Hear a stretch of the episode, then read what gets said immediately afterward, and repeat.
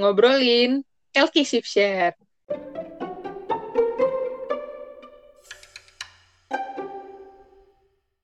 Sebelumnya kita sapa dulu nih pendengar kita yang 2 juta orang ini udah empat minggu kagak ngupload. Emang definisi dari empat minggu ya kita ngupload ya? Waktu berjalan cepet banget anjir. Iya, kayak biasanya kita yang kayak hari Jumat udah sibuk kan ya. Kita mau rekaman kapan? Kita mau rekaman kapan? Kok empat minggu ini kayak nggak ada omongan kita mau rekaman kapan? Nggak ada. Setiap hari Jumat ada yang nanya, hari ini tag nggak? Hari ini mau rekaman nggak? Dibalas hari Sabtu, dibalas lagi hari Minggu. Jadi, jadi ya guys, teman semua mohon maaf sebelumnya karena kita udah empat minggu ini absen. Aduh. Bahas apa Red, minggu ini? Oke, minggu ini seperti judulnya kita bakalan ngebahas tentang Elki dan shift share. Yeay, apa tuh? Oke, location question itu merupakan suatu analisis yang digunakan untuk menentukan besarnya peran suatu sektor di suatu wilayah tertentu terhadap sektor yang sama pada wilayah yang lebih luas. Atau dengan kata lain, misalkan kita mau mencari LK atau location question di suatu kabupaten, berarti kita membandingkan besarnya suatu sektor yang ada di suatu kabupaten dengan besarnya sektor yang ada di provinsinya, begitu. Oh. Oh, jadi di di tingkat tingkat daerah yang di atasnya ya. Benar, jadi kita ngebandingin gitu untuk si apa LQ ini sendiri di kabupaten itu terhadap provinsinya tuh gimana? Karena sebenarnya output dari LQ ini sendiri adalah sektor-sektor yang dapat memenuhi di dalam kabupaten maupun di luar kabupatennya atau dengan kata lain sektor basis gitu. Oh, pakai ininya PDRB ya? Benar, pakai PDRB. Jadi dulu itu PDRB kita itu ada 9, cuman sekarang setelah Banyak tahun banget ini. Eh, dulu ada ada 9 sektor, tapi setelah tahun 2016 udah diubah jadi 17 sektor. Nah, 17 sektor itu ada yang pertanian, ada yang eh, industri, dan lain sebagainya. Lu kalau misalkan disuruh ngapalin 17 sektornya, gue juga nggak hafal sih, karena ada banyak. Nah itu pakai kan ada dua sih PDRB ya, concern sama Hmm. berlaku. Hmm. Kalau perhitungannya pakai yang mana Red? Sebenarnya kalau untuk perhitungan sendiri kita bisa pakai dua-duanya. Hanya saja kalau misalkan untuk harga berlaku kan dia selalu berubah-ubah ya guys setiap tahunnya gitu. Nah kalau misalkan untuk harga konstan dia kan tetap gitu. Jadi kita lebih pakai yang harganya konstan. Yang nentuin harga konstan ini siapa sih? Pemerintah. Dong. Apa rata-rata? Eh dia ada hitungannya sih kalau nggak salah dia kayak apa sih namanya kayak dihitung dulu gitu loh Mar jadi kan per tiap tahun ini perubahannya berapa nah nanti ada perhitungan yang untuk di harga konstannya itu berapa gitu Terus gue gue masih kurang ngerti kayak nilai dari si LQ itu sih. Kan kan dia ngebagi pakai tiga kan yang LQ lebih besar dari satu kurang dari satu sama dengan satu. Itu gimana Red? jadi kalau misalkan di LQ itu kayak misalkan kan ada di pertanian. Kalau pertanian LQ-nya kurang dari satu berarti pertanian itu cuma bisa melayani si wilayah kabupaten Jadi nggak bisa untuk melayani pro- eh, provinsi atau kabupaten lain.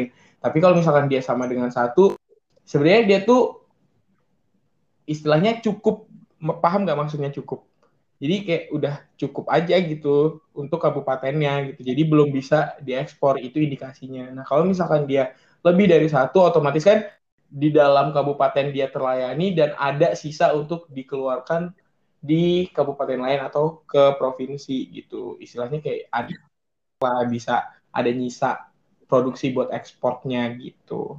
Berarti bisa dibilang kalau yang lebih dari satu eh wilayah itu cukup bagus ya nge-maintain daerahnya ya nggak sih kayak dia aja bisa mencukupi daerah sendiri terus juga bisa mencukupi untuk daerah eh, yang lain gitu.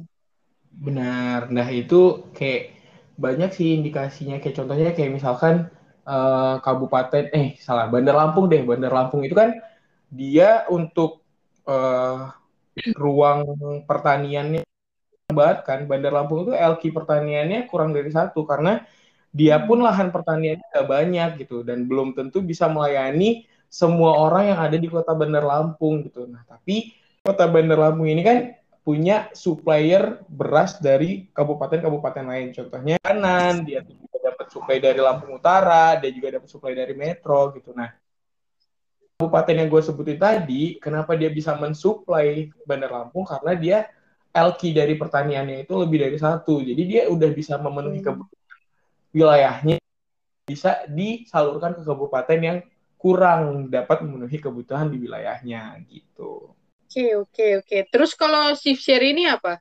Kenapa kayak selalu didampingin sama si Elki? Oke, untuk analisis shift share adalah suatu analisis yang sederhana konsep proporsi dan pertumbuhan di mana kita dapat melihat sektor-sektor apa saja di suatu daerah yang lebih unggul dibandingkan daerah lain.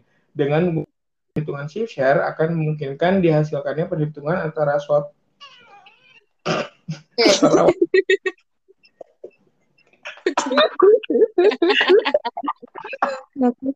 Sumbernya kayak bunyi bayi, tau gak sih, Red? Dia tuh memang masih bayi. Terus, terus, gimana, Red? Oke. Okay. Dengan menggunakan pertumbuhan shift share, kita itu dapat uh, memungkinkan dihasilkannya perhitungan antara waktu pertumbuhan yang melibatkan daerah atau negara lain dengan perhitungan yang sederhana. Perhitungan yang menggunakan analisis share mengasumsikan bahwa perekonomian daerah dipengaruhi oleh perekonomian kabupaten atau provinsi lain. Coba demi Allah, ini turun sih, ya Allah. Ih, gue gak konsen.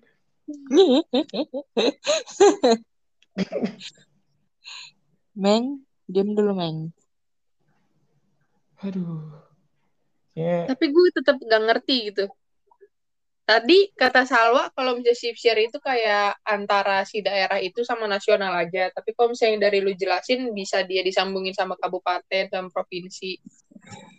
Yang uh, perhitungan saya uh, banyak sih orang dia per komoditas aja bisa dihitung LQ share-nya gitu loh. Paham gak maksud hmm. gue? Jadi mm -hmm. dia tergantung tergantung dari kebutuhan kita mau ngitungnya tuh kayak mana gitu. Nah, tadi kan Maria nanya tuh LQ ini selalu disandingkan dengan dengan CCR kan. Nah, karena dua analisis ini bakalan menghasilkan mana sektor-sektor yang dia itu progres salah, yang dia itu unggul mana sektor-sektor yang dia itu potensial, mana sektor-sektor yang dia itu berkembang dan mana sektor-sektor yang dia itu terbelakang. Nah, kalau misalkan analisis LQ dan CVR ini digabungin, dia bakal ngebentuk empat kuadran gitu loh. Yeah. Uh, ini kan yang uh, eh, LQ lebih dari satu, LQ kurang dari satu, LQ eh CVR lebih dari satu, share kurang dari satu. Kalau misalkan LQ-nya lebih dari satu, share-nya lebih dari satu, dia itu termasuk ke dalam uh, sektor yang bilang dan lain sebagainya seperti itu. Tapi gue ini sih concern di uh, kan kalau kita pelajari si LQ Silver ini cuma di PDRB gitu loh. Mm-hmm. Nah, apakah bisa gitu majunya sebuah uh, daerah, kawasan atau negara itu cuma ditentukan sama PDRB. Nah, gitu sih kayak uh, dan rata-rata kita tuh menilai majunya perekonomiannya itu dari ya LQ Sipser ini. Nah, itu apakah bisa gitu dari perhitungan itu kita bilang, oh negara ini maju nih, potensial nih. Negara ini nih terbelakang nih, nggak ini apa non basis gitu loh sektor-sektornya. Tapi mungkin sebenarnya ada indikator-indikator lain yang nggak bisa dinilai pakai PDRB aja sebenarnya. Bisa juga pakai mungkin pendapatan per kapita atau apa. Itu kan juga bisa mencerminkan uh, perekonomian di suatu wilayah kan. Atau memang ya sesuai ya mungkin sesuai kebutuhan aja sih. Cuman gue agak mandangnya kenapa cuman dipandang dari PDRB gitu? Ya nggak sih? Menurut kalian gimana? Kalau menurut gue sebenarnya kan analisis analisis ekonomi itu ada banyak ya. Nah untuk di Indonesia sendiri yang berkembang emang si Alki sama si hmm. ini. tapi gak menutup kemungkinan juga loh ada banyak soalnya PDRB pun dibaginya ada banyak ada PDRB per wilayah ada PDRB per kapita dan lain sebagainya jadi uh, menurut gue uh, share ini yang kata gue tadi gitu dia juga bukan hanya untuk dihitungnya tuh bukan cuman untuk PDRB doang loh LQ shift share ini. Bahkan untuk produksi per komoditas pun bisa dihitung pakai LQ shift share.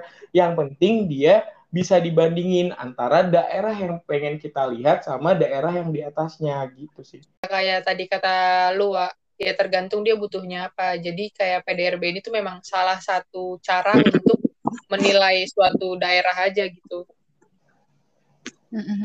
tapi menurut gue lumayan efektif sih PDRB ini karena dia uh, udah lumayan mencakup semua sektor gitu. Meskipun menurut gue sektor-sektornya ada yang masih ke kegabung-kegabung gitu sih.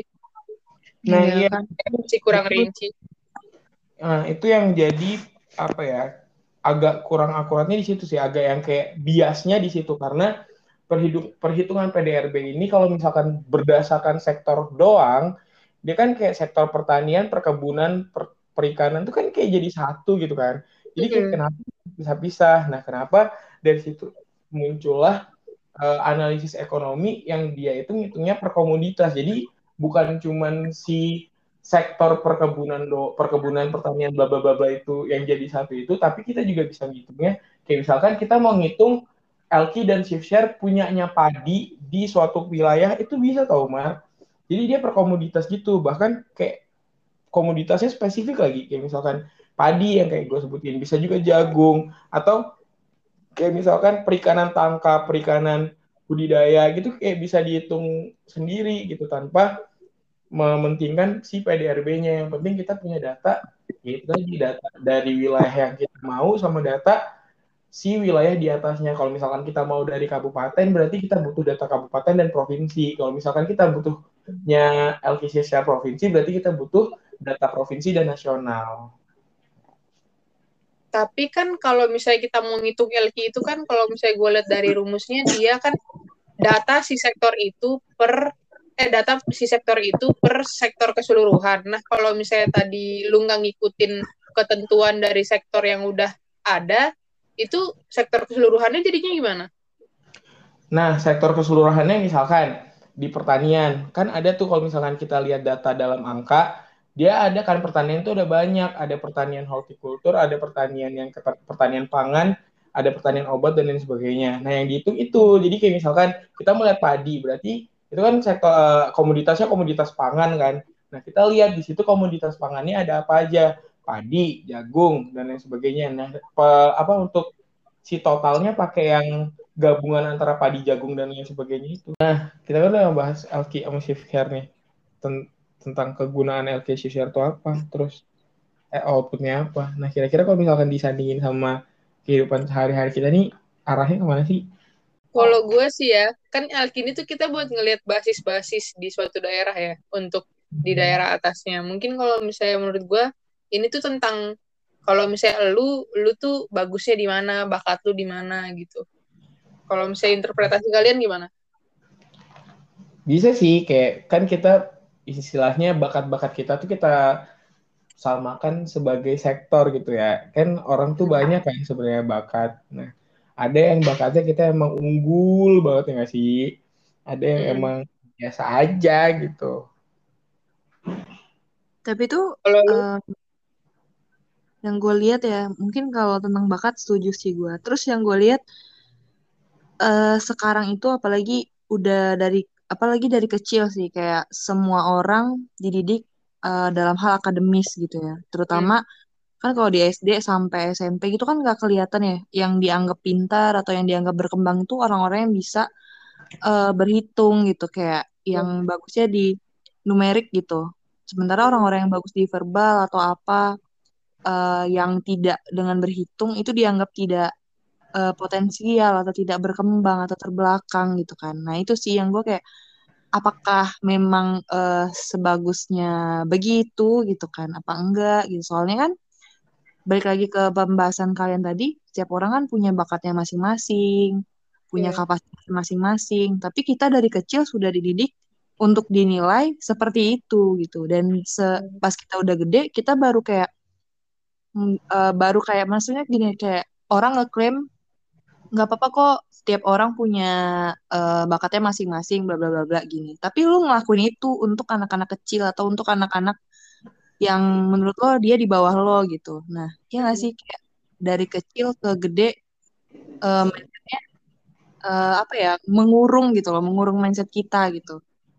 Karena itu di umur yang udah sama ya lo membenarkan itu gitu mungkin mindset generasi aja sih. Makanya gue juga agak iri untuk generasi-generasi yang nanti eh, anak-anak dari generasi kita gitu. Karena kita tuh udah lumayan terbuka buat hal-hal gitu buat hal-hal gitu kan. Gue juga kalau misalnya ngeliat di, ngeliat di TikTok misalnya ada orang tua yang kayak ngebebasin anaknya buat ngembangin apa pun yang ada di dirinya tuh gue kayak iri banget gitu. Lu yes, iya pilihan hidup lu enak banget coy. Banyak. Gue pilihannya dulu antara uh, eh, gue belajar matematika supaya dianggap atau gue nggak belajar matematika gue bakal dimarahin terus gitu. Ya cuma dua ya opsinya. Iya. bener sih gue kayak ini di kehidupan nyata gue ya gue kayak dulu sama ma gue tuh kalau misalkan lulusan akademik tuh kayak ya Allah pening banget gue yang gue tuh harus uh, dapet nilai sekian, dapat ranking sekian dan lain sebagainya gitu. Yeah. Sedangkan ya anak-anak abang gue, kayak misalkan anak abang gue yang pertama tuh suka banget sama bola, coy. Nah mm. dia tuh bener-bener kayak lo mau ngikut pelatihan bola di mana, coachnya siapa gitu. Iya kayak didukung. Bayarnya berapa per bulan? Terus kalau misalkan mau ikut, oke, okay, besok kita mm. berangkat gitu. Nah terus mm. anak abang gue yang kedua tuh kan ya Allah dia tuh jago panahan dan emang sering lomba ngikut lomba panahan gitu. Dan dia emang hobi gitu panahan. Jadi kayak dia semua apa ya dia tuh nggak terlalu di push banget untuk ke arah akademik tapi dia malah justru ayo bang belajar panahan lagi biar juara. Ini dibeliin alatnya ini alatnya ini alatnya ini dibeliin semua hmm. gitu. Terus kayak latihan ini bang. Nanti kalau misalkan nanti udah lulus SD kita ke ini aja bang ke sekolah panahan dan lain sebagainya kayak wah gila ya anjir. Anak-anak ini kayak dibebasin banget gitu loh. Okay. wah anjir coba gua, dua, gua dulu kayak gitu kayak gue masuk sekolah renang sih kayak gue asli. Yakin renang. Sedangkan gue main aja takut. Oh jangan renang dong nanti saingan sama Faisal. Hmm Sebut merek ya sekarang. Sebut tuh merek anjir. Gue kebetulan karena ya gimana ya Batak coy. Kenapa ya, ya itu sih generasi generasi orang tua kita emang kayak gitu semua gak sih? Tapi gue ngelihat adek gue kan SD ya sekarang kelas 2. Hmm. Nah, di orang tua tuh maksudnya di mak gue kan udah mulai terbuka gitu mata hati dan pikirannya untuk tidak menganggap uh, anak itu maju cuman pinter matematika. Dan kebetulan adik gue nih uh, sama gitu modelnya kayak gue dulu. Kayak suka gambar suka uh, ya hal-hal yang seni gitu kan. Sama dia lebih pokoknya matematika tuh nggak begitu kalau yang gue lihat. Dan gurunya tuh sampai datang gitu loh ke mak gue ngomong kayak gini. Uh, kan namanya Kansa ya. Kansa tuh di kelas dia nggak kayak Akila. Nah Akila ini temennya yang bisa matematika. Terus hmm. dia bilang dia cuman dia cuman pintar tuh yang masalah tentang menganalisa gitu-gitu. Coba bu ajarin mau nggak dia belajar gitu di rumah? Terus sama gue kan sebagai orang tua kan terpukul ya hatinya. Ya gue nggak tahu sih kan gue belum orang tua. Maksudnya kalau gue mandangnya ya udah sih mah kan bakatnya emang nggak di situ. Tapi kan dia tetap mau belajar gitu. Dia tetap mau ngerjain gitu ngapain kita merasa hmm. harus bersalah gitu kan cuman di situ gue ngelihat mah gue kayak terpukul banget gitu-gitu dan mulai uh, strict gitu sama adik gue yang harus belajar MTK segala macam. Dan ujungnya adik gue jadi stres jadi trauma gitu loh belajar kali-kalian segala macam. Nah gue ngelihatnya kayak sebenarnya orang tua tuh udah uh, mungkin bisa gitu untuk terbuka pikirannya gitu apalagi yang punya anak-anak kecil gitu. Tapi balik lagi sih ke uh, sistem sekolahnya gitu karena emang nggak ngerti juga ya gue apa yeah. emang murid yang pintar dan ranking satu itu yang nilai matematikanya tinggi matematikanya tinggi apa gimana gue nggak ngerti penilaiannya tuh apa emang kayak gitu kali ya gitu dan mendidik sampai gede gitu. ini kayak Hmm. pernah dibahas Deddy Corbuzier sih kayaknya ya. Kayak apa ya? Sistem pendidikan di Indonesia kalau nggak salah. Nah, itu tuh kayak Hmm. sistem pendidikan di kita ya ada berapa coba mata pelajaran kita SD itu kayak bejibun banget nggak sih dan kita harus menguasai Hmm. segala galanya ntar di SMP udah mulai ngejurus nih kita udah dimulai dikenalin IPA sama IPS ntar di SMA kita baru disuruh milih itu kita tuh mau jurusan IPA atau jurusan IPS Hmm. dan baru di kuliah kita baru eh, di Penjurusan. milih gitu loh apa sih yang mau kita pelajari lebih dalam lagi. Nah, kalau misalnya di luar tuh yang kayak dari SD pun mereka kayak moving class coy, lucu banget terserah mereka mau belajar apa, hari ini mau Hmm. belajar apa, besok mau belajar apa. Jadi kayak mereka sudah dibebaskan dari dulu gitu dan kalau misalkan mereka suka dalam satu bidang, ya udah ditekunin bidang itu gitu. Misalkan mereka sukanya gambar ya mereka ambil kursus ngelukis, entah itu ambil apa ya, kayak hasilnya tuh bagus gitu bahkan yang kayak dia dulu kecil gambarnya kayak apa sih woi kita kecil tuh gambar gunung kali ya. Mereka kayak udah bisa gambar yang kayak wah keren banget deh gitu.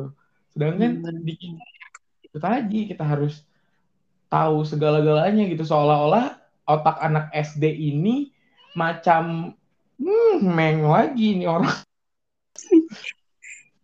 Macam sistem gitu, macam sesuatu yang bisa dikode gitu. Heeh, jadi kayak istilahnya otak anak SD ini hard disk anjrit yang satu terabyte gitu. Bisa semuanya Karena di jujur ya, gue tuh kan karena pressure juga yang dari orang tua yang kayak memang akademik tuh nomor satu juga buat mereka. Mm-mm. Gimana ya? Ya gue belajarnya, gue nggak tahu gue belajar memang karena gue enjoy atau karena gue terpaksa. Tapi, tapi ya dulu memang gue rankingnya tinggi tinggi dan sekarang ya gue nggak ngerti apa apa anjir. Gue juga lupa itu semua pelajaran. Jadi kayak sama sih itu juga. coba Kalau- coba dari dulu ya kayak misalnya anak kecil anak kecil itu misalnya dilesin apa yang mereka mau sekarang pasti kayak bagus Iya, itu saya itu tadi sih makanya kayak gue agak iri gitu sama ponak-ponakan gue anjir. Yang ponakan gue yang panahan bahkan dia dipersiapkan untuk lomba skala nasional gitu anjir. Dipersiapkan loh. Belum dia lulus masih dipersiapkan gitu. Kayak jadi kayak dari dini dia harus udah bisa manah berapa meter terus juga nilai poin harus minimal berapa. Oh gila banget sih dia kalau misalkan kan dia latihan panahan tuh seminggu hampir berapa kali gue nggak tahu dah. Dan kadang kalau misalkan gue di rumah abang gue kan gue yang disuruh nganterin kan. Enak ya gitu. Gue dulu pengen juga gitu panahan. Gue tuh suka panahan juga loh dari gue Iya. SMP gue emang suka panahan. Tapi gue kayak nggak pernah menikmati apa itu rasanya mana gue cuma bisa ngeliat-ngeliat doang kayak orang panahan tuh keren aja gitu. Sedangkan sekarang Mm-mm. adik gue punya segala macam alatnya gitu dan gue cuma bisa megang terus lo ya? Nah gue kayak bisa cuman bisa megang terus kayak mikir anjir coba dulu gue kayak gini ya gitu. Anak lo nanti, Red. anak gue belum tentu dia suka panahan dong. Kalau misalkan dia sukanya nari ya gue suruh nari aja lah oh harus suruh nari sambil mana? Waduh. Inovasi baru itu. Tidak apa-apa. kayak dia split nanti sambil mana? Tapi itu kan kayak cerita-cerita kecil gitu. Kayak kekurangan kita. Gimana ya? Nggak nyalahin orang tua juga sih. Ya emang mereka juga mungkin kurang kurang juga ilmunya di situ ya. Nah sekarang kan kita udah gede ya. Kalian Hmm. gimana sih buat bukan gimana apa apa deh kalian kelebihannya waduh udah kayak wawancara mau masuk kerja nih gue lihat dia Iya, kamu kelebihan kamu apa kekurangan kamu apa Tapi yang gue lihat tuh ya, karena pikiran masa kecil tadi, Mar, yang membentuk eh, banyak orang ambisiusnya nggak tahu gitu tujuannya ke mana. Ya salah satu mungkin gue ya dulu. Kalau Hmm. gue kebalikan, gue tuh karena sering, maksudnya karena stigma orang-orang yang harus, oh pinter tuh ranking satu segala macam. Nah, gue jadi males belajar, jujur aja. jadi kayak SMA gue, gue nggak ranking. Pok- Pokoknya susah banget lah kalau tahu SMA gue dulu tuh intinya ya udah belajar buat lulus aja gitu. Nah, Iya. di kuliah gue baru kayak melek, oh, eh, oh kita tuh dengan dengan kemampuan gue kayak gini, gue tuh sebenarnya punya mimpi loh gitu. Nah, gue baru menata mimpi gue itu di setelah SMA gitu. Dan gue baru bener-bener kayak belajar, ngembangin diri, nemuin potensi gue. Nah, itu tuh bener-bener kuliah dan kayak susah banget gitu dari awal lagi mulainya belajar lagi segala macam. Nah, itu sih kayak menurut gue uh, pikiran masa kecil tadi juga yang ngebentuk uh, kita bagaimana kayak kita mau ngembangin potensi atau kita baru nyadarin kelemahan kita dan banyak juga kadang orang yang apa dari masa kecilnya kayak harus ranking satu segala macam ambisius di kuliah mungkin ya yang gue rasain kayak hmm. ya dia ngejer tapi dia nggak tahu buat apa gitu. Sampai kayak ya, ngikut pas, temennya pas iya sampai ngikut temennya lah ngomongin sana sini buat gimana gue tetap jadi yang satu nomor satu gitu. Dan ya udah emang nggak tahu gitu buat apa ya nggak sih? Yang gue lihat. Banyak okay. banget sih tapi ya, itu gue yakin kebanyakan anak-anak yang kayak gitu karena tekanan dari orang tua dah. Ya asli. Gue kalau gue tuh ya kalau apa namanya urusan tekanan-tekanan kayak gue udah enough banget di SMP sih kayaknya. Kalau misalkan untuk SMA kayak orang tua gue mulai membebaskan gue sih mau maunya apa gitu. Bahkan kayak di kuliah juga lebih ngebebasin gue gitu maunya ke mana. Karena ya gue pernah sih kayak bilang karena emak, emak bapak gue dulu kan pengennya gue jadi dokter ya anjrit banget gak sih woi otak kayak gini jadi dokter tuh gimana kisah kan? Jadi kayak gue kayak berontak gitu loh dan gue bilang yang ngejalanin tuh aku loh kalau misalkan akunya nggak kuat kayak mana? Terus emak bapak gue kayak mikir deh gara-gara itu kayak ya udahlah apa jadi apa? Ke daripada anak gue nggak jadi apa-apa gitu ya ya udahlah bebasin. Daripada, daripada anak gue nggak jadi apa-apa gitu nah kalau misalkan sekarang tuh apa ya kan kalau misalkan kita kan di PWK nih ya. Nah terus uh, emak bapak gue kan dulu kayak nggak tahu gitu loh PWK tuh ke arah mana. Bahkan bapak gue tuh kayak dulu sempet masih ayo sih teknik. Nggak tahu aja dia dulu PWK teknik kali ya. Dia hmm. ayo sih teknik. Bapak gue tuh maunya gue per, perminyakan kalau pertambangan. Oke sih gue masih masih oke okay di uh, di kimia gue masih bisa lah gitu. Tapi kan fisika gue nol banget ya woi. Nggak ngerti lah gue di fisikanya apa gitu kan.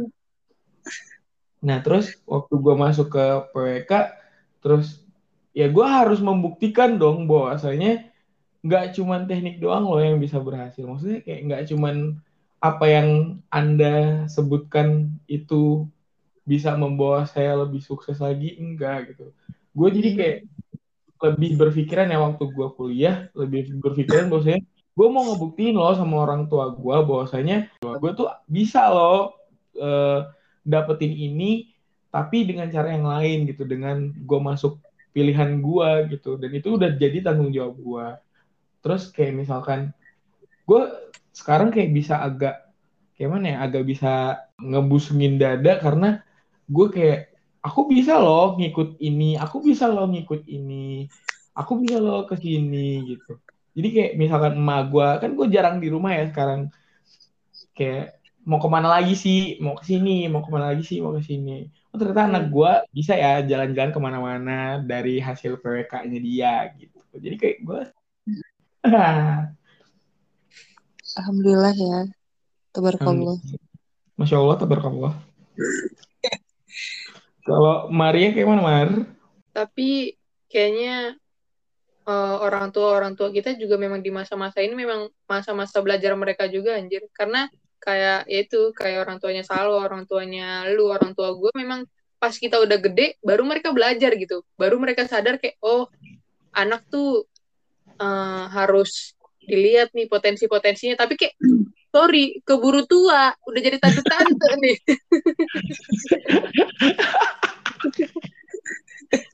Tapi kalau misalnya orang tua gue sih dari dulu emang nggak pernah uh, ngebatasin gue hobinya apa. Jadi kayak kalau misalnya emang gue pengen ngembangin dulu kan gue pernah uh, olahraga fotografi gitu tuh selalu disupport. Tapi yang nomor satu akademik gue harus bagus gitu. Mm-hmm. sedangkan uh, gue sekarang ngeliat adik gue tuh akademiknya bener-bener kayak uh, sorry akademik wear akademik wear gitu. Tapi apa pun yang dia jalanin pun tetap selalu disupport anjir. Kayak dia mau game selalu disediain apa pun dia mau kayak dagang disediain juga modalnya gini gitu terus gue mikir kayak oh gitu gue nggak usah belajar anjir.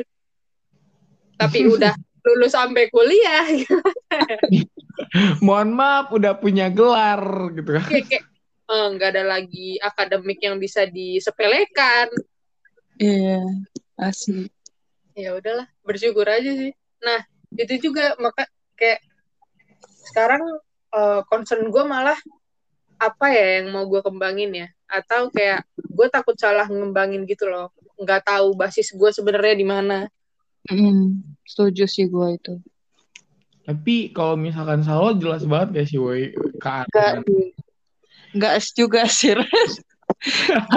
maksud gue kayak kayak misalkan ya kayak apa ya apa yang lo suka tuh lo jalanin sekarang lo meskipun gue gue tahu sih nangis darah nangis wah itu udah bukan main lagi kan untuk sekarang gitu kan. Cuman tuh ya lo tahu lo lo tuh mau ke mana. Maksudnya dalam artian gue suka lo transportasi dan gue ngambil transportasi dengan segala resikonya. Oh, I see. nah kalau misalkan gua sama Maria kan kayak apa sih Mar? Kita kan luntang lantung ya? Kayak apa sih anjing? Terus kayak Salwa juga dia tahu dia suka ngelukis ya udah banyak banyakin gear lukis gitu Ini sesinya gue- gue bukan bintang tamu ya, guys. kan kalau misalnya Bukan. gue tuh misalnya dulu gue sempat suka yang tadi gue bilang olahraga fotografi nah sekarang tuh gue nggak ngejalanin dua-duanya tapi gue suka tapi nggak gue jalanin karena gimana ya Kalau gue bulan kenapa gitu, Mar? Maksudnya kenapa gitu? Kayak pasti ada loh. Kenapa lo nggak mau nerusin itu? Apalagi kayak apa udah emang mager aja atau gimana? lagi atau- nggak ada momennya kali ya Oh, iya kayak sih. momennya lagi pengen ngembangin yang di PWK-nya ini mungkin ya alias nyari kerja. Anjay. Tapi kok nggak ada? Kalau lu Red, apa ya- apa yang kayak menurut lu lu pengen ke sana? Ya panahan tadi ya selain itu gitu. oh gue kalau panahan udah menyerah sih karena udah gue udah tua apa ya nah ini ini gue bingung sih kalau misalnya ditanya kayak gini kayak lo gue ditanya ya lo sukanya apa gue nggak tahu Karena karena jujur aja yang gue lihat ya kayak kesibukan lo sekarang ya lo, lu cocok gitu sama itu gitu loh. PWK. Kayak ah kehektikan lo sekarang. Nah, ya balik lagi sih lu enjoy nggak atau emang kayak lu ngejalan itu ya karena ada aja dulu ini kayak gitu atau apa atau emang ada sesuatu, sesuatu yang lu kejar dari aktivitas ini gitu loh. Oke, kalau misalkan gua, gua gini sih, Wak. Eh, gua emang anaknya nggak bisa diem. Kayak misalkan lo suruh gua kerja di kantor yang sekian jam nggak bisa gua. Mohon maaf lahir dan batin, gua pasti ngabur. Dan kebetulan apa yang gua lakuin sekarang tuh kayak kan banyak lapangannya ya. Kayak misalkan gua disuruh ke mana, oke gua turun. Gua disuruh ke mana, oke gua turun. Ready survei ke sini ya, oke gua turun gitu. Jadi kayak lebih gue lebih apa ya suka akan hal itu. Nah, gue kan suka traveling nih, suka Hmm. ke mana-mana lah istilahnya. Nah, dengan kayak dengan gue melakukan hal yang gue lakukan sekarang, kayak traveling gue tuh dibiayai, ngerti gak sih maksudnya? Melalui pekerjaan lo yang sibuk ini gitu ya. Ya, melalui kehektikan gue selama ini gitu. Misalkan kayak, pun koper dan ransel hmm, gue gak pernah sih bawa koper anjir. Gue anaknya backpackeran. Terus, ya gitu misalkan kayak gue disuruh ke pesisir barat. Ya lo tahu kan woi pesisir barat itu penuh dengan pantai lo woi kan? Jadi kayak jadi survei ke pesisir barat ngerjain ini, ini, ini yang disurvei ini. Oke gue berangkat ke pesisir barat ngerjainnya sehari gue healingnya tiga hari. Itu kan kayak enak kan? Hmm. bisa bayangin nah terus kayak misalkan gue sukanya apa ya gue kan kayak dulu sekolah eh lahir di metro sekolah di metro SMA di metro gue baru pindah ke Bandar Lampung waktu gue Iya. kan dan itu pun bukan di Bandar Lampung Punten Lampung Selatan nah gue kayak dengan apa yang gue kerjain sekarang gue jadi bisa ngejelajahin semua Lampung gitu loh gue pernah ke Hmm. pesisir barat gue pernah ke Lampung Barat gue pernah ke Mesuji gue pernah ke Waikanan gue pernah ke tulang bawang tulang bawang barat kayak hampir semua Lampung udah ham, udah semua Lampung bahkan gue udah pernah dateng gitu loh kayak wah ternyata uh, kesibukan gue bukan kesibukan sih lebih ke arah apa yang gue kerjain sekarang. Hmm, adalah kesukaan lo. Bisa nyokong kesukaan gue juga ya gitu. Gue bisa ke mana balas dendam ya yo coy. Gila lo. Bayangin aja lo dari lahir sampai SMA anjrit. Bener-bener nggak pernah keluar Lampung. Eh nggak pernah keluar metro, metro. tapi lu nggak ada red kayak hobi-hobi misalnya kan kayak misalnya Salwa tuh ngelukis sebuah foto itu kan kayak hobi yang bisa dijadiin kerjaan. Kalau misalnya traveling iya sih. Maksud gue kayak ada nggak hobi lain?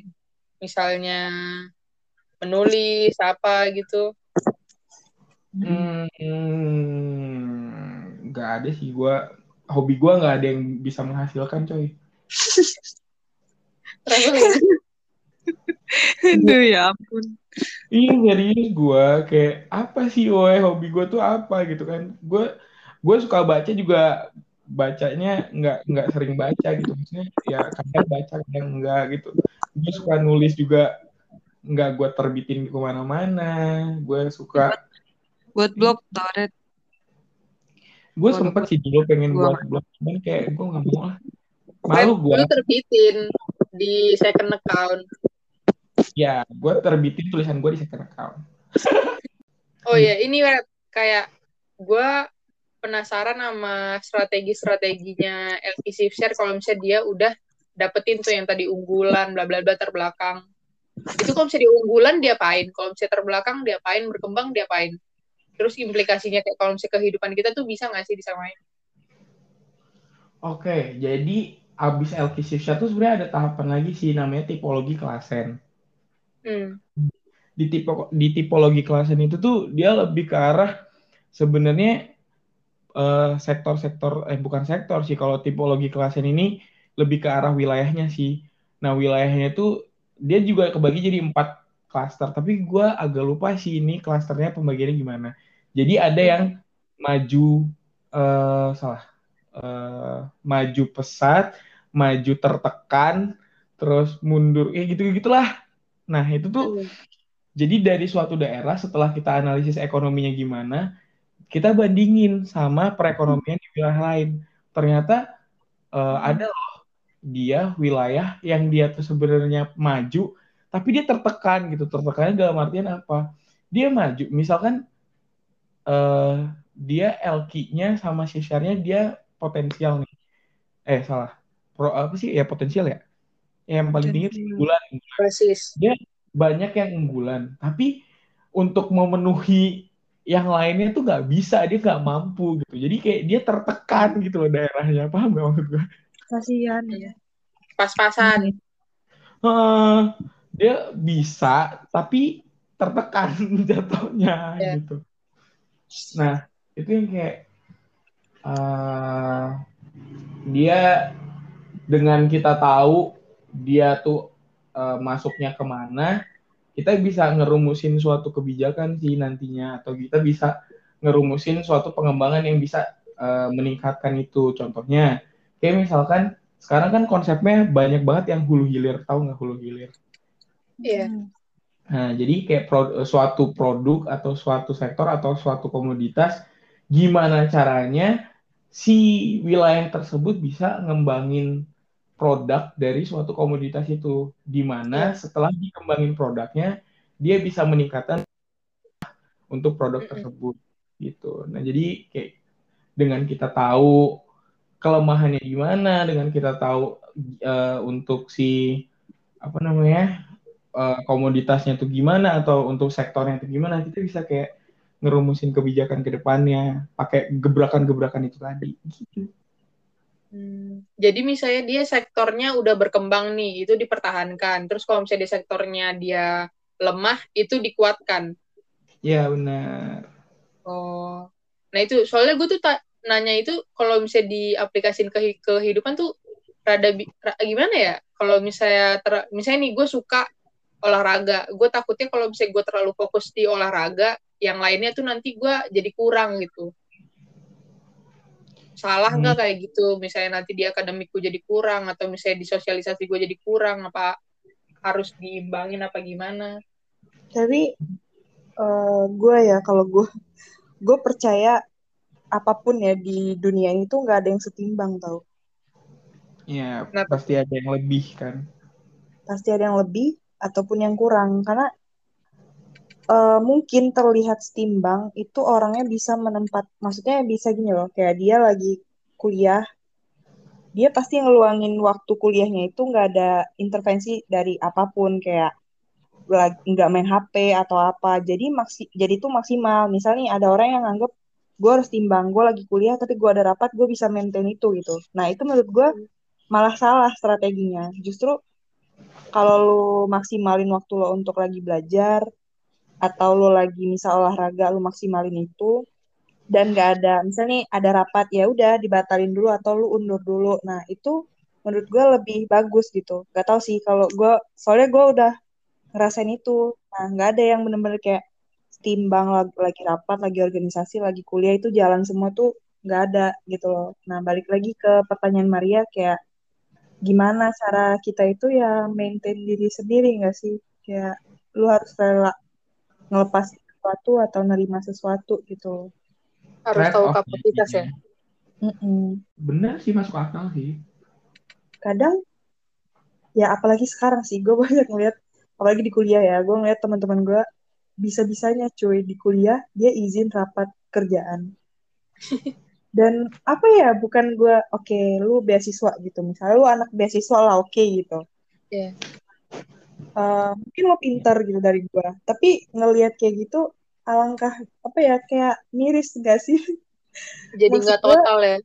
uh, kayak dosennya eh, skip dah gitu. Dosennya tuh anggap mahasiswanya udah skip gitu. Dan di kerjaan juga gue yakin gak fokus itu. Soalnya tuh nggak ada yang benar-benar multitasking. Otak tuh nggak ada gue nggak percaya itu nggak ada dia fokus ke rapat sama fokus ke kuliah tuh nggak ada menurut gue gitu yang ada indoor sendiri gak sih ya kayak ready dulu lah saking banyaknya kerjaan anjir hilang ya sampai kayak kalau mau ngomong sama Ready kayaknya ngechatnya kayak Selamat siang, Rep. Mohon maaf mengganggu waktunya. Gak, gak bisa. Izin bertanya.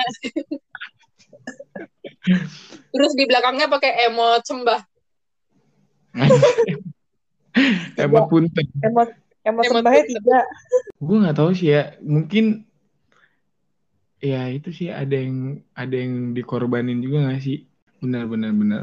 Eh, gue juga nih gue tidak memungkiri gue juga pernah jadi freerider aja kayak ya udah sih gitu loh kayak semua orang pernah ada di tahap itu ya kecuali apa ya Masa gue mau sebut merek kan gak mungkin Tadi Maria udah sebut merek banyak lagi Spill Geret Spill Geret ini jangan ya jangan. Yanti Yanti rajin dengerin podcast kita. Iya, dia nanya mulu ya, Bar. oh iya. Halo Yanti, gila ya, keren banget. Halo Yanti, sama satu kamu yang di Jerman. Siapa kamu dengerin podcast kita? gitu gitu gitu gitu Rami Rami woi polos banget polos banget nanya sama gue Wah, kalian tuh bikin podcast dibayar ya, makanya sering bikin. Kebetulan nih ya, kami uh, eh, UMR ya. Oh iya. Gimana uh, ya jawabnya? Insya Allah, tabarakallah. Siapa sih yang nanya? Rani? Rahmi. Oh, Rahmi. Tapi iya sih kalau misalnya ngikutin yang tadi uh, apa namanya kalimatnya eh kalimat pokoknya yang perkataannya Salwa kayak kalau misalnya gue lihat juga misalnya daerah-daerah itu misalnya dia kuat di perkebunan dari tahun ke tahun mau 100 tahun juga ya PDRB-nya bagusnya di perkebunan terus gitu. Dan ya emang uh, wilayahnya ya stabil-stabil aja. Karena emang kuatnya di situ. Hmm. Iya. Itu kali ya. Iya. Ini yang ini ini sebenarnya jadi pertanyaan gue sih selama ini. Apa, tuh? Or kayak mana ya? Gua diajarin di kuliah gua bahwasanya untuk kita nentuin arah pengembangan sektor basisnya. Nah, setelah kita tahu sektor basisnya, yang dikembangin itu aja itu enggak aja. mana-mana sumpah hmm. ya enggak? Ngerasa enggak? Yeah. Jadi kayak yeah. kita kita tuh uh, kayak mana ya? misalkan oke lah di situ paling gede perkebunan, pertanian dan lain sebagainya. Cuman kayak sektor lain loh, ayo sih yuk bisa yuk naik yuk gitu loh. Kayak kalau misalkan yang kita analisis nantinya ke depannya setelah kita tahu mana yang sektor basis itu aja yang dibahas kayak ya udah percuma nggak sih woi untuk sektor yang lainnya ya juga bakalan stuck di situ-situ aja gitu. Iya, Cuman kadang memang harus realistis gitu loh. Kayak kalau misalnya ada sektor yang terbelakang atau memang nggak ada potensinya mau dikembangin juga, kadang ya itu kita buang-buang modal gitu loh. Sama aja Benar. yang kayak tadi, misalnya kita anak kecil, kita paksa dia belajar matematika padahal dia nggak suka matematika, ya ujung-ujungnya dia nggak bakalan suka matematika. Ya benar. Nah makanya kayak setelah diperhatikan lebih lanjut ya, jadi kan kayak setiap wilayah belum tentu 17 sektor itu ada semua gitu. Ada yang emang eh, salah satu atau salah duanya memang nggak ada potensinya di situ juga gitu. Mungkin itu salah satu alasan gimana yang dikembangin ya udah yang potensial yang emang udah apa ya, yang emang udah jadi aja deh gitu yang kita kembangin. Iya. gitu. Cuman lo perhatiin gak kayak kebanyakan ya apalagi di Lampung semuanya pasti pertanian anjrit Iya. Kecuali Bandar Lampung. Kecuali Bandar Lampung. Nah ini kayak aneh juga nih di pikiran gue kalian eh, paham? Eh bukan paham sih. Kayak kalian sadar nggak sih kalau misalkan daerah kayak rawan Rawan apa Lam- nih? Lampung? Kan rawan begal nggak sih? Oh, orang kalau misalkan ini pengalaman gue ya pengalaman gue udah udah ngikut studio dan jadi asisten studio. Jadi kalau misalkan kita studio dan kita nggak asistensiin studio pasti anak-anak kayak mikirnya bang di situ tuh daerahnya rawan jadi kita nggak nggak apa namanya nggak survei dan lain sebagainya. Kayak kalau misalkan di situ rawan emang nggak boleh disurvei ya? Terus kalau misalkan nanti untuk dimasukin ke rencana atau dimasukin ke suatu dokumen tata ruang nih wilayah bakalan kayak gitu mulu nggak sih? Itu paham nggak maksud gue mm-mm. kenapa nggak kenapa nggak kayak gimana caranya dia di diadain bangkitan gitu loh biar kayak rame di situ biar nggak rawan gitu. Kenapa malah udah tahu rawan ya udah dibiarin. Gue masih bingungnya di situ sih. Dari se- dari selama gue ikut kuliah. Aneh gue menurut kalian Tapi kenapa gitu? Stigma sih apalagi ya itu mungkin karena dosen-dosen. Dosen-dosen kan nggak mau ngambil ini sih ngambil apa namanya resiko mahasiswa-mahasiswanya kenapa-napa. Tapi kalau misalnya ngomongin rawan pun untuk daerah berkembang DKI itu nomor dua terawan di Indonesia di Indonesia loh. Oh ya Heeh. jadi kayak sebenarnya nggak ngaruh sih rawan-rawanan. Cuma mungkin ya karena yang dosen-dosen kita omongin ke kita loh buat keamanan kita. Ya Hmm. gitulah ya guys. Itulah ya problematika. Kehidupan ini. Problematika Jadi- ekonomi buat kalian-kalian yang udah tahu kalian sukanya di mana, hebatnya di mana. Ya, semangat. buat Kalian- kalian-kalian yang belum tahu, yuk cari yuk bareng-bareng. itu yang kayak beruntung sih menurut gua orang-orang yang tahu passionnya di mana dia sukanya apa bukan passion sih lebih ke arah dia sukanya di mana gitu dan. Beruntung banget orang-orang yang emang bisa ngejalanin itu sejalan gitu maksudnya kayak misalkan dia suka eh, ngelukis dan jadiin luk- ngelukisnya dia itu sebagai pekerjaan yang dia suka dan menghasilkan gitu Iya. kayak ba- banyak juga kan orang yang kayak kerja tapi hmm, nggak deh sebenarnya cuman kayak mereka butuh aja gitu Iya. BU anjir Susah ya jadi idealis. Mm-mm. Cuman kayak mana ya Tapi meskipun kita udah tua gini, gue percaya nggak pernah ada kata terlambat buat ngembangin diri sih. Soalnya kemarin gue ngelihat ada di mana ya berita gitu kali orang baru 56 tahun baru dia keluar dari kerjaan dia yang korporat-korporat gitu buat ngejar eh passion dia. Ternyata dia suka ngelukis gitu. Mm-mm. keren sih berarti gue masih boleh panahan ya guys Ya boleh. Siapa yang bilang gak boleh, Red? Asal ada uang aja sih. ya ntar ya Uang ntar untuk membeli alat-alatnya. Ya, gila alatnya mahal banget ini gue ngumpulin uang aja nih buat bikin lapangan panahan gue Amin ya Allah. Tabarakallah, Masya Allah. Gue nyampe ya kayak gue mau minjem panah adik gue tuh malu. Pinjem aja lah. Takut Ngapain? terus lah, Red. Nanti ganti. Sakit terus tak nanti suruh ganti nggak mau. Mending gue yang beli baru, kata Reddy. Hmm. Coba, tapi coba aja tau, Red. Siapa tahu, kan? Gue udah pernah sih nyoba yang di Itera, tapi kan itu alatnya kayak ya udah panahan sederhana. Panahan adik gue tuh yang kayak udah ada serongsongnya, udah ada wah gitu loh kayak anjir lo tau kan panah-panahan orang-orang yang lagi lomba olimpiade nah kayak gitu nah. Udah expert. Udah expert ya. Expert Lu kayak banget. mau minjemnya aja gemeter padahal dia ade lu gitu. Iya dan dan itu berat banget sih. Gue tidak mau mengkiri alat dia berat sih dan ini kayak keren aja gitu. Iya, berarti keren ya orang yang manah-manah itu. Maksudnya Hmm, kuat ototnya.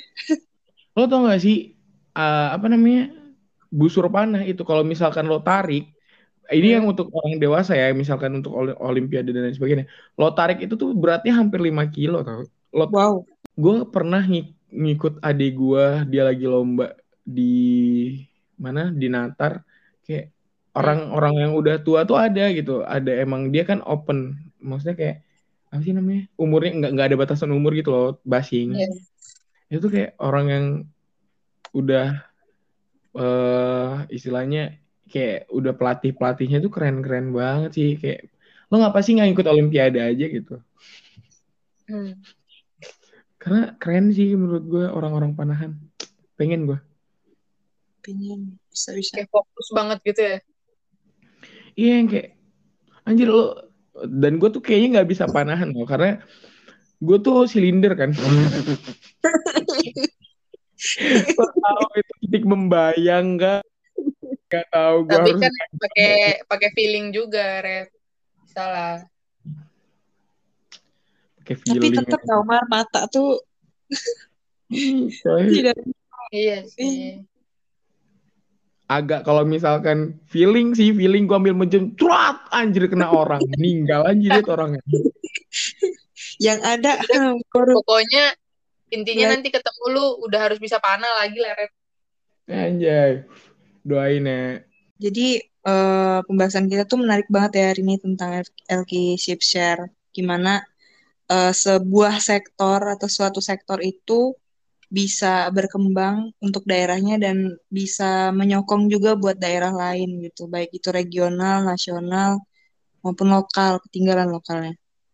Nah, itu juga kalau kita lihat pola kita berkehidupan gitu ya, berkomunikasi dan segala macam itu eh, menarik banget sih kayak eh, yang mana sektor itu kan bisa berkembang. Dia tuh misalnya dia potensial dan eh, berkembang, tapi ada juga sektor yang dia eh, potensial tapi terbelakang gitu. Nah, itu gimana wilayahnya bisa memanfaatkan itu. Nah, itu sama kayak manusia. Gimana mereka itu tahu gitu potensinya buat apa, tapi mungkin keadaannya atau kondisinya nggak menyanggupi untuk mengembangkan poten- potensinya tadi. Nah, ya mungkin caranya eh, dia bertemu dengan lingkungan yang menerima potensi dia atau pelan-pelan gitu ngomong ke mungkin orang tuanya atau mungkin ke orang-orang yang menganggap potensi dia itu nggak bisa dikembangin, tapi sebenarnya itulah eh, apa ya kekuatan dia gitu untuk bisa dikatain gue sama sih gue tuh sama lo sama kayak orang gitu sama kayak lo bisa gitu. Tapi mungkin potensi gue nggak disupport aja gitu. Nah itu sama kayak si sektor-sektor tadi. Kita harus punya strategi gitu gimana sektor yang potensial ini bisa berkembang dan menyokong juga buat eh, wilayah-wilayah tadi gitu. Nah itu sih mungkin yang bisa kita simpulkan ya dari pembicaraan yang eh, satu hari ini gitu. Ya, guys. Bagus sekali dari Salwa Teguh. Iya, Iya. Golden- Golden Ways. Salwa Teguh Golden Hour. Oh, Golden Hour. Thank you guys. Sampai bertemu tujuh minggu lagi.